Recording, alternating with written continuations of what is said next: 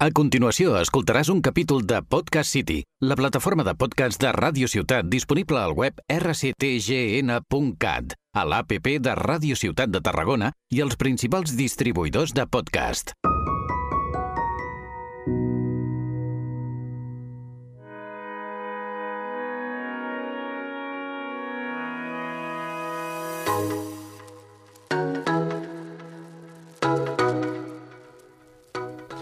Molt bones i benvinguts a un nou episodi de Converses amb Jove Cambra. Jo sóc Àlex, eh, el president, eh, anava a dir nacional, i encara no. Encara queda, Home, encara, no. Espero que quedin molts anys encara per això. El president local de, de la Jove Cambra de Tarragona. Avui m'acompanya amb mi el pas president, el Raül, i també vicepresident eh, nacional. Tu sí, nacional. Ara sí. Hola, Àlex, què tal? I també està avui amb nosaltres eh, un dels nostres júniors, el David Sorinyac. Molt bona tarda. Bona tarda, Àlex. Hola, Raül, què tal? Deixaré que el Raül presenti el convidat d'avui. Bé, uh, tenim aquí el David Sorinyac. Ell va ser, va ser president local de la Jove Cambra abans que jo. De fet, eh, bueno, quan jo vaig entrar a Jove Cambra el 2015, ell, ell ja hi portava un o dos anys. I, i tinc molts bons records amb el David. Hem fet, hem fet grans projectes, hem fet coses molt xules. I, de fet, ell és tot un emprenedor, perquè quan, quan el vaig conèixer, quan estava dintre de Jove Cambra, ell ja era emprenedor, ja treballava pel, pel seu compte. Ara ens explicarà una miqueta més. I bé, doncs eh, fa, fa, fa un o dos anys eh, ha fundat una altra empresa. Ara, ara entrarem en més detalls. Eh, Explica'ns una miqueta, David, com, com, com ha estat aquesta trajectòria? Com, com, com vas conèixer Jove Cambra? Per començar des d'un principi, per exemple. Doncs Jove Cambra jo la conec per un esdeveniment que es fa a Igualada, que va ser el Vis Igualada, eh, que just coincideix quan més o menys jo començava a ser autònom. I, bueno, me n'entero de l'esdeveniment, crec que té sentit per la meva activitat anar-hi, veure, conèixer el que s'hi fa, la veritat que era un, un, un esdeveniment molt potent, Perquè què és el Bis Marathon? Perquè ens entenguin els oients. Bé, Al final era un, un, un acte que durava un dia on es parlava d'empresa. Bueno, on anaven emprenedors a explicar les seves experiències i on hi havia cert networking per poder doncs, conèixer altra gent de, de, que, que, que anés també allà no? a, a parlar amb ells. I allà és on jo conec l'entitat i dic, ostres, vull dir, insisteixo, l'esdeveniment era molt potent i dic, una entitat que fa una cosa tan potent i me n'entero que, a més a més, a Tarragona té presència, doncs, doncs jo també en volia formar part, no? Uh, i, I aquí és on, on, on surt la llavor una mica de, de la meva activitat amb, amb, amb, amb això, perquè més crec recordar que això era un octubre, un novembre, i, i jo ja estava, el següent any jo ja estava com, com a membre, no? ja, ja, ja volia començar a fer coses també per l'entitat a Tarragona. Molt bé. I, I en aquell llavors tu ja, ja dius que ja tenies la, te la teva empresa muntada o ja estaves treballant pel teu compte. Correcte. Com va ser això? Com vas decidir tu uh, treballar, que havies treballat uns quants anys després de graduar-te a la universitat, recordem pues, que vas uh -huh. estudiar direcció d'empreses, Uh -huh.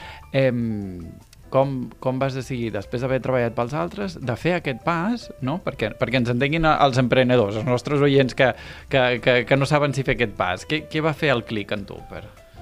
Eh, al final és, és un, cúmul, un cúmul de situacions. Bàsicament a l'empresa on jo treballava hi estava molt a gust, però si volia seguir treballant-hi arribava un punt on jo me n'havia d'anar a viure a Madrid i no em venia de gust anar a viure a Madrid. A Tarragona s'hi viu molt bé.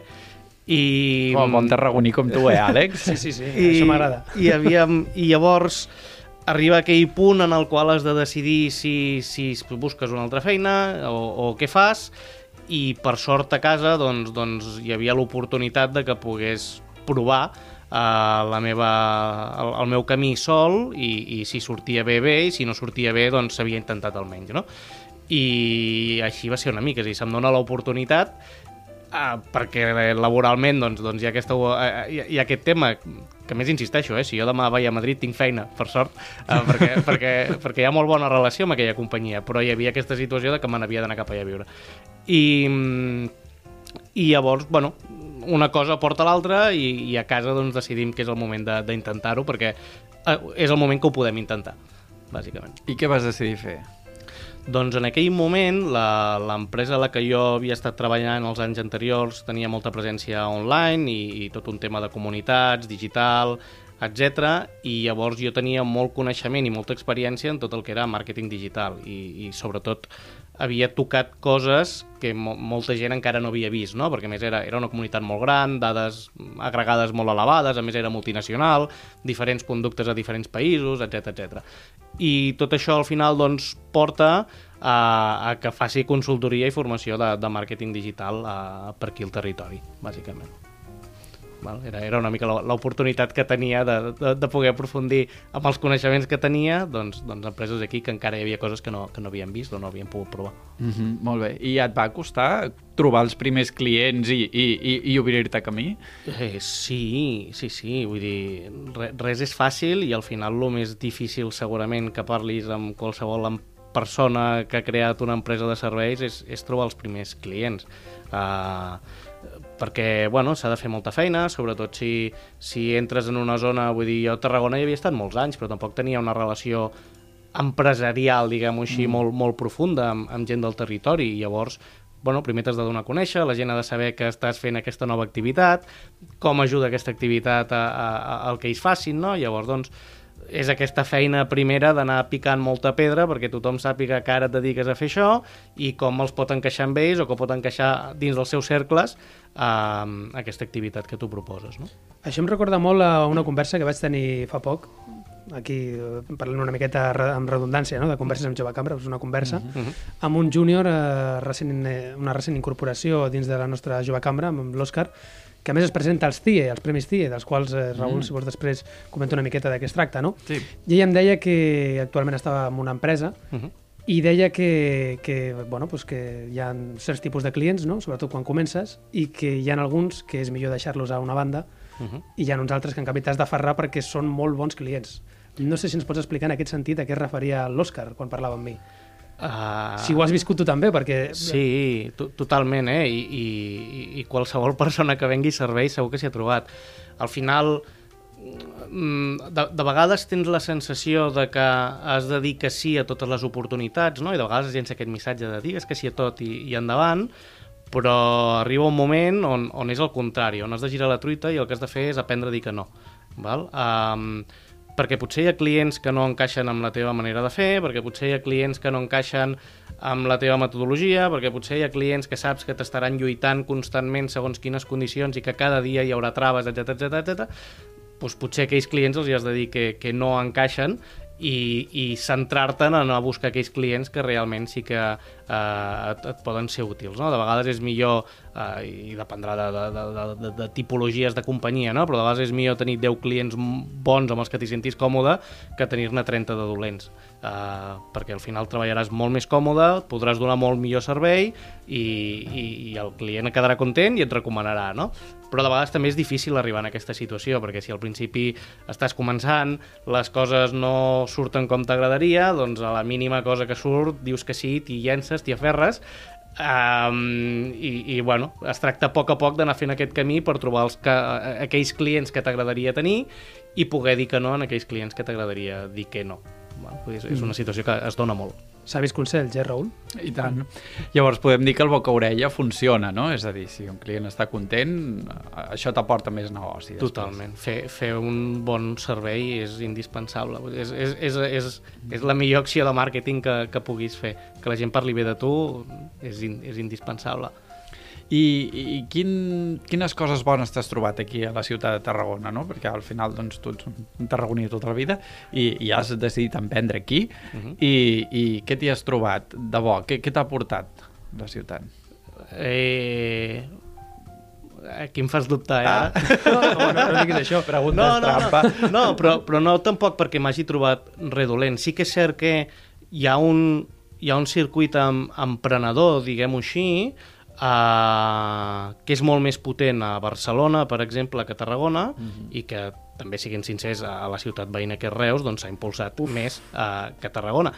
I em, em, em fa mal dir-ho, però és la realitat. Era, era la meva següent pregunta, eh? si era més fàcil emprendre Reus o Tarragona, ja, ja està. Sí, bueno, tot depèn, al final estan molt a prop, eh? vull dir, jo, jo, jo crec que pots emprendre igual a Tarragona que a Reus i tindràs les mateixes oportunitats a una ciutat que a una altra. Um, però sí que és cert que al final les coses van per ecosistemes, diguem-ho així, i, i a Reus s'ha treballat i a Tarragona s'està treballant no? per, per crear-lo i, i a Barcelona evidentment doncs, doncs és molt més potent um, però bueno, a Tarragona falta, falta xup-xup, diguem-ho així falta, falta fer feina, fal... al final és comunitat i insisteixo, hi ha iniciatives que estan, estan bé en aquest sentit um, però encara, encara hi ha marge de millora per anar-ho treballant. I, I no pot ser que, que passi el contrari, que una ciutat com Barcelona tan gran hi hagi tant d'emprenedor que sigui més competència i llavors sigui més difícil o, o sempre, bueno, en el teu cas potser has aconseguit trobar aquest tret diferenciador respecte d'altres emprenedors i per tant doncs això no, no, no passa segurament de, de, depèn de, de com t'enfoquis, no? I, I en el meu cas particular, clar, no, no, nosaltres fa, fa, tiro una mica enrere, no? És a dir, mm. nosaltres, jo particularment eh, tenia aquest punt de, de, de la consultoria de màrqueting digital, després tot això evoluciona eh, i a dia d'avui tenim una companyia junt amb un altre soci eh, que vaig conèixer Jove Cambra eh, que, que fem consultoria estratègica i operacions corporatives. No? Uh -huh. I aquest és un tipus de servei que a dia d'avui estem oferint a, a, arreu de Catalunya. Vale? Llavors, eh, bueno, ens és igual si el client és de Lleida, Barcelona o, o Tarragona, que, que el podem oferir igual. Um, en aquest sentit, al final sí que veiem que hi ha moltes sinergies, no? I, és a dir, els ecosistemes doncs, fan que les coses surtin per, hi ha gent, allà on hi ha gent emprenedora doncs fa que hi hagi més emprenedors és com allà on hi ha molt bons jugadors de futbol fa que hi hagi molts jugadors de futbol no? Mm. I, i per probabilitat n'acaba sortint algun o perquè a Catalunya hi ha molta gent que és molt bona en trial i, i, i sempre eh, anem fent no? pues, pues perquè hi ha gent bona i fa que hi ha aquest, aquest efecte imant que, que la gent doncs s'hi tiri més no? Bueno, segurament és això. Si hi ha poca gent no vol dir que no hi hagi gent molt bona, perquè hi ha gent molt bona. Um, però quanta més n'hi hagi, més probabilitats n'hi haurà de trobar gent, uh, gent molt bona en aquest sentit. Molt bé. I llavors, bueno, ja que, ja que ho has, ho has sí. deixat anar d'aquesta manera, no? Eh, la jove cambra, a part de portar-te aquest nou soci amb el qual doncs, has fundat, heu fundat una altra empresa, no? aquesta consultoria estratègica, uh -huh. eh, què més t'ha aportat a tu l'experiència dintre de jove cambra que, que hagis pogut aplicar doncs, dintre del món emprenedor? Uh -huh. jo, jo sempre ho dic, per mi jove cambra són oportunitats i, i Jove Cambra t'obre portes i, i després depèn de tu quines portes vulguis obrir i quines portes vulguis creuar. Això ja dependrà de cadascú, no? Vull dir, pot ser que hi hagi gent que hagi entrat a Jove Cambra i digui a mi no m'ha portat res. Pues, pues segurament perquè no has volgut creuar cap de les portes que l'entitat t'ha obert a davant teu, no? Per exemple, jo, en el meu cas, doncs, doncs mai m'he interessat per la part internacional de l'entitat que és una de les més potents que té, però a mi particularment doncs, no, no m'ha cridat i són portes que no, no he obert, no?, en aquest cas, però, però bueno, a mi m'ha donat un, un soci uh, de, la, de la meva companyia amb, amb la qual doncs, bueno, estem, estem molt contents i segurament si no, si no hagués entrat aquesta entitat doncs, doncs, doncs no, bueno, no sé on estaria no? a dia d'avui, o estaríem fent coses diferents eh, segur. Um, és això, i després també et dona l'oportunitat de conèixer gent, de conèixer gent amb la que jo almenys m'hi sento a gust i acabes tenint uh, punts en comú, no, no tenen per què ser tots, evidentment, no? però, però sí que t'hi trobes gent molt interessant dins l'entitat i, i oportunitats diverses, com, com bueno, una de les coses que més es diu és el punt de, de poder crear uh, segons quins esdeveniments, organització uh, i, i portar reptes endavant que en una altra banda doncs, no ho podries fer. Jo, jo jove cambra, ho dic molt, jo vaig, a, jo vaig aprendre el i per què no uh, perquè mm. jo sempre em preguntava molt al punt de, ostres, tinc aquesta idea, pensaves una mica i dius, però segur que no sortirà, no? O serà difícil, o no sé què. I, i amb l'entitat vaig aprendre el punt de, i, i per què no? Hosti, anem-ho a provar. I què, què passa si no surt? Doncs ho hem intentat i ja està, i no, i no haurà passat res, no? Um, I això és una cosa que vaig aprendre a l'entitat. I potser si no hagués sigut per això, potser no hagués creat l'empresa després, no? Perquè hagués tingut la idea i, i hagués tingut diferents dubtes i no m'hi hagués llançat. I en canvi, és, o sigui, i per què no? Pues, si té sentit, anem-ho a provar, anem-ho a fer i, i, i veurem què passa, no?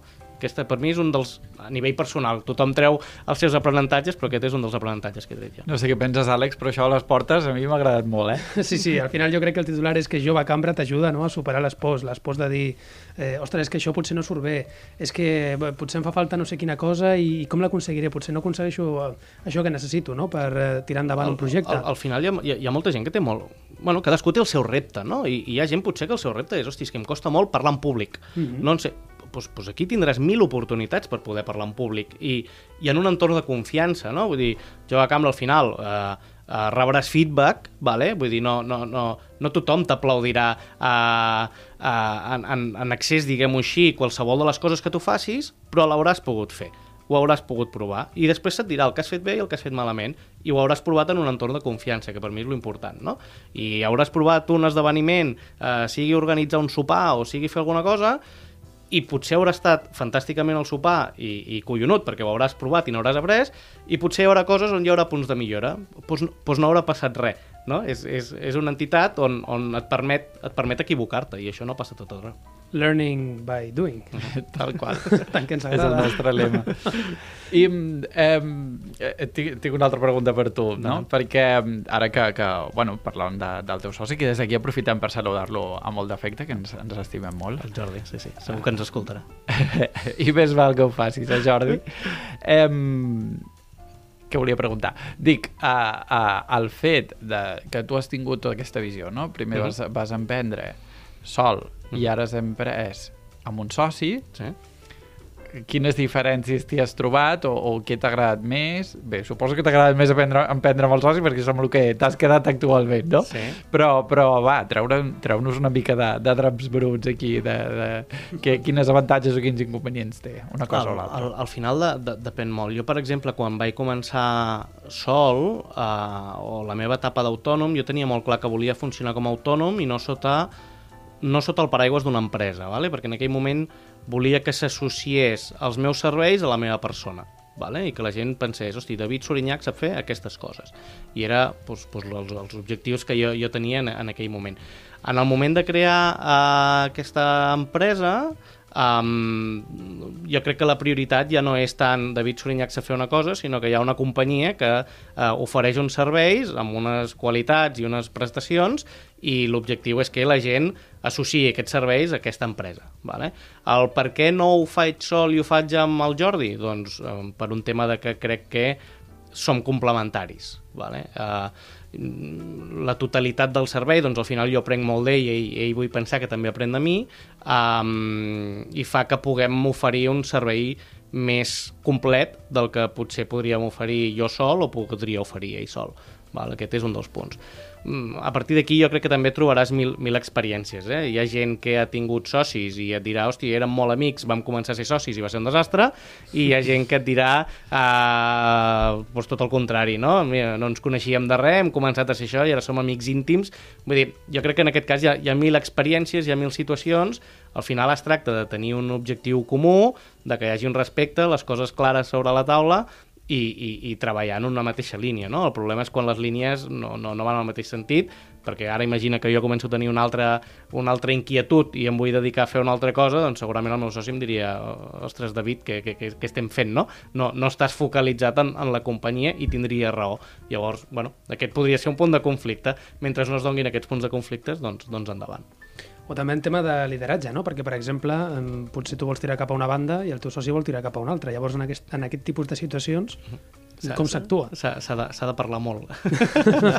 S'ha de, s'ha de parlar a molt. vosaltres us agrada, eh, parlar de tots dos. S'ha de parlar molt i, i trobar punts en comú, però, però això ens ho trobarem a, a tot arreu a la vida. Vull dir, has de saber has de saber quines són aquelles línies vermelles que, que no voldràs creuar mai de la vida i, i quins són aquells punts on estàs disposat a, a cedir, no? I, i això però això ens ho trobarem amb, amb, amb, una vida en parella, per dir-ho així, o, o t'ho trobaràs en mil situacions o, o amb una relació amb el client. I jo crec, potser aquest és un dels punts, no? que, que nosaltres les línies vermelles les teníem molt clares, quines eren les de cadascú, i per sort coincideixen, i llavors, per tant, ja no hem anat a creuar les línies de l'altre, no? Però, bueno, és, són aquestes situacions que has de saber com, com, com gestionar en, en el dia a dia. Però si l'objectiu comú té sentit i, i no ens desaliniem, doncs les coses no tenen per què, per què haver-hi problemes. Raül, alguna qüestió més? Bueno, uh, és que potser algun algun oient ens està escoltant i diu i, i què fan en aquesta consultoria, no? Doncs explica'ns una miqueta, David. Va, ven-nos ven el vostre producte. Què feu? Venc l'empresa. Uh, l'empresa al final és ST Strategy, que, que ofereix dos serveis principalment. Té, té dos línies de negoci. Una és consultoria estratègica, que al final el que ajudem és a companyies. Sempre parlem d'empreses que estan en situació de canvi, que han de gestionar un canvi. Uh, al final una estratègia és anar d'un punt A a un punt B i l'estratègia et diu com ho has de fer per arribar a aquest punt B. No? Hi ha moltes empreses que el punt B el tenen de vegades definit, hi ha empreses que el punt B no el tenen definit perquè funcionen per inèrcia, eh, perquè sempre s'han fet les coses així i per tant doncs, les seguim fent igual, Uh, i arriba un punt on normalment se'n donen compte que les coses o les han de canviar perquè certs indicadors els diuen que les coses uh, no estan funcionant. No? Innovar una miqueta. Correcte. I, i de vegades bueno, aquesta situació de canvi doncs, poden ser uh, doncs això, empreses que uh, necessiten innovar, necessiten canviar la seva forma de fer, veuen que s'han estancat, uh, de vegades pot ser un canvi generacional, algú que necessita canviar, passar l'empresa de pares a fills, de mares a, a filles, i, i necessiten doncs, saber com han de preparar la companyia per, per poder fer aquesta transferència um, i de vegades empreses en hipercreixement, empreses que estan creixent molt i no saben com gestionar aquest creixement, no? Necessiten bueno, veure com, com, quina és la manera òptima de poder créixer, de poder seguir escalant i, i, i que l'empresa no mori, perquè de vegades hi ha empreses que moren d'èxit, no? I aquest és un dels temes. I aquesta és una línia de negoci. Després l'altra és la que se n'hi diu d'operacions corporatives, que al final és la, la compra, venda d'empreses, ampliacions de capital, fusions, etc. Doncs, bueno, tot el, ajudar les companyies a que puguin fer tot aquest eh, camí eh, amb èxit, bàsicament. Sobre aquesta primera línia, jo crec que la moraleja, per dir-ho així, és adaptar-se o morir, no? Eh, sí, i, i sobretot, jo, jo, per exemple, sempre he sigut molt, molt contrari a les, a les inèrcies, no? Hi ha moltes coses que funcionen sempre per inèrcia, perquè sempre s'han fet així, però, però, però que sempre s'hagin fet així no vol dir que encara hagin de, de funcionar, no? O, o que segueixin funcionant d'aquí 5 anys. Hem de saber el per què estem fent les coses. Uh, i, I si sabem per què les fem, doncs sabrem si tenen sentit o no. Però de vegades no sabem per què les fem. Les fem perquè a mi m'han dit que ho he de fer així, no? I, i aquest per mi és, és un dels problemes que ens trobem moltes vegades de, ostres, eh, anem a sentar-nos i de vegades ens passen molts clients que comencem a treballar, la primera reunió, fem diferents preguntes i, i, i de les primers feedbacks que ens donen és, és que mai ens havíem fet aquestes preguntes. O mai havíem tingut entre els socis, mai havíem tingut converses d'aquesta tipologia o mai ens havíem preguntat aquestes coses o jo mai sabia l'opinió de l'altra persona sobre aquest tema i, i, i és la primera reunió, vull dir, són de les primeres coses que revisem, però te'n dones compte bueno, que, que es feien les coses perquè sí i ningú s'havia plantejat quin era, quin era el sentit de, de, del que s'estava fent. Molt bé, si, ens, si poguessis donar un últim consell, doncs a tota la gent emprenedora que, atenció, quan diem, parlem d'emprenedors nosaltres, no és sempre eh, gent que munta empreses, com, uh mhm. -huh. com, com en el vostre cas, que, sí. o el cas dels convidats que acostumeu a portar aquí, sinó també gent que vol liderar el canvi, que vol, que vol fer coses i que, i que vol un canvi. Quin consell dones tu amb la teva experiència en, en aquesta gent emprenedora? Jo, jo, jo sempre...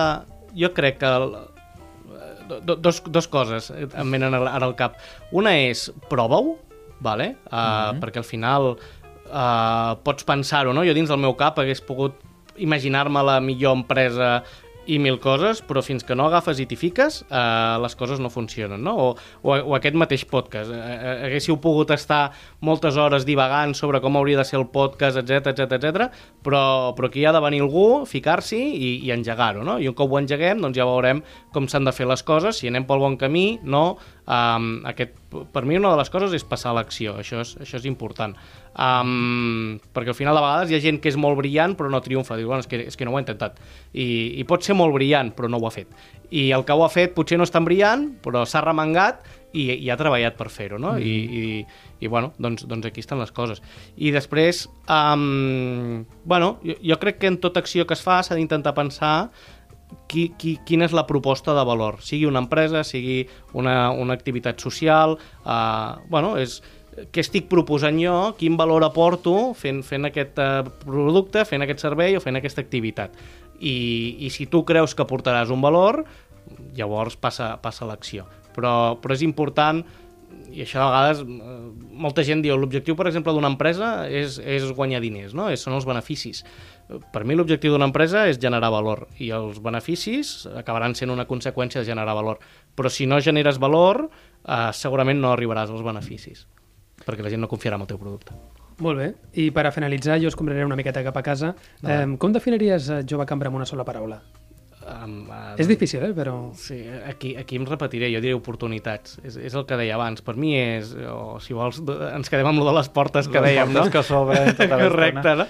Uh, és això, és, és un escenari uh, que et dona oportunitats i tu podràs agafar les que vulguis. I per oportunitats als emprenedors, doncs eh, aquests dies, eh, aquest 18 de febrer, el dissabte, han començat ja els Premis TIE, eh, organitzats per la Jove Cambra, que venen de les seves sigles en anglès de Creative Young Entrepreneurs, que són uns premis per a, per a projectes emprenedors que, té, que s'han originat recentment aquí al territori català i que doncs, consten d'una sèrie de formacions que fem cada dissabte en diferents ciutats de Catalunya també en format online, i que, i que doncs, volen capacitar a la, a la, als emprenedors que han format aquestes empreses i perquè presentin un projecte no, amb, amb, les millors, eh, amb la millor qualitat possible. Uh -huh. Llavors, això ho poden presentar amb un, amb un, eh, amb uns premis que fem, els Premis TIE, vale? amb els, amb, el presenten en una gala, en uns premis, presenten el seu projecte i poden arribar a guanyar 1.000 euros aquí a nivell de Catalunya. Uh -huh. Si el seu projecte és guanyador, doncs se'n van a nivell d'Europa, on poden arribar a guanyar 5.000 dòlars, i si és guanyador, doncs se'n van a nivell mundial presentant el seu projecte davant de, de, de les 20.000 persones eh, que, que assisteixin a, al Congrés Mundial eh, per, per, per poder arribar a obtenir doncs, 10.000 dòlars de premi. 20.000 persones que a més són possibles eh, inversors o socis. Exacte, exacte. Per tant- com en el cas del David, que es va trobar doncs, un soci no? Correcte. dintre de Jove Cambra. I a més que aquest dissabte, 25 de febrer, eh, Raül aterra la formació, les formacions aterren aquí a Tarragona. El 25 de febrer em tindreu a mi com a formador eh, en gestió d'equips. Així que, que benvinguts. Molt bé, doncs eh, ja sabeu, si voleu informar-vos més, doncs podeu entrar a les nostres xarxes socials o buscar-nos eh, per la nostra pàgina web.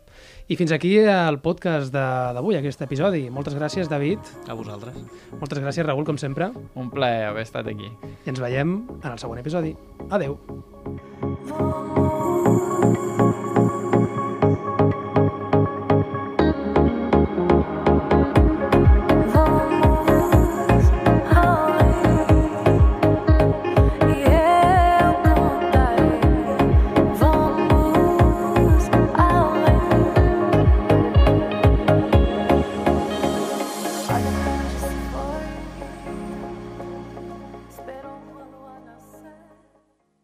Escoltat un capítol de Podcast City, la plataforma de podcast de Ràdio Ciutat disponible al web rctgn.cat, a l'APP de Ràdio Ciutat de Tarragona i els principals distribuïdors de podcast.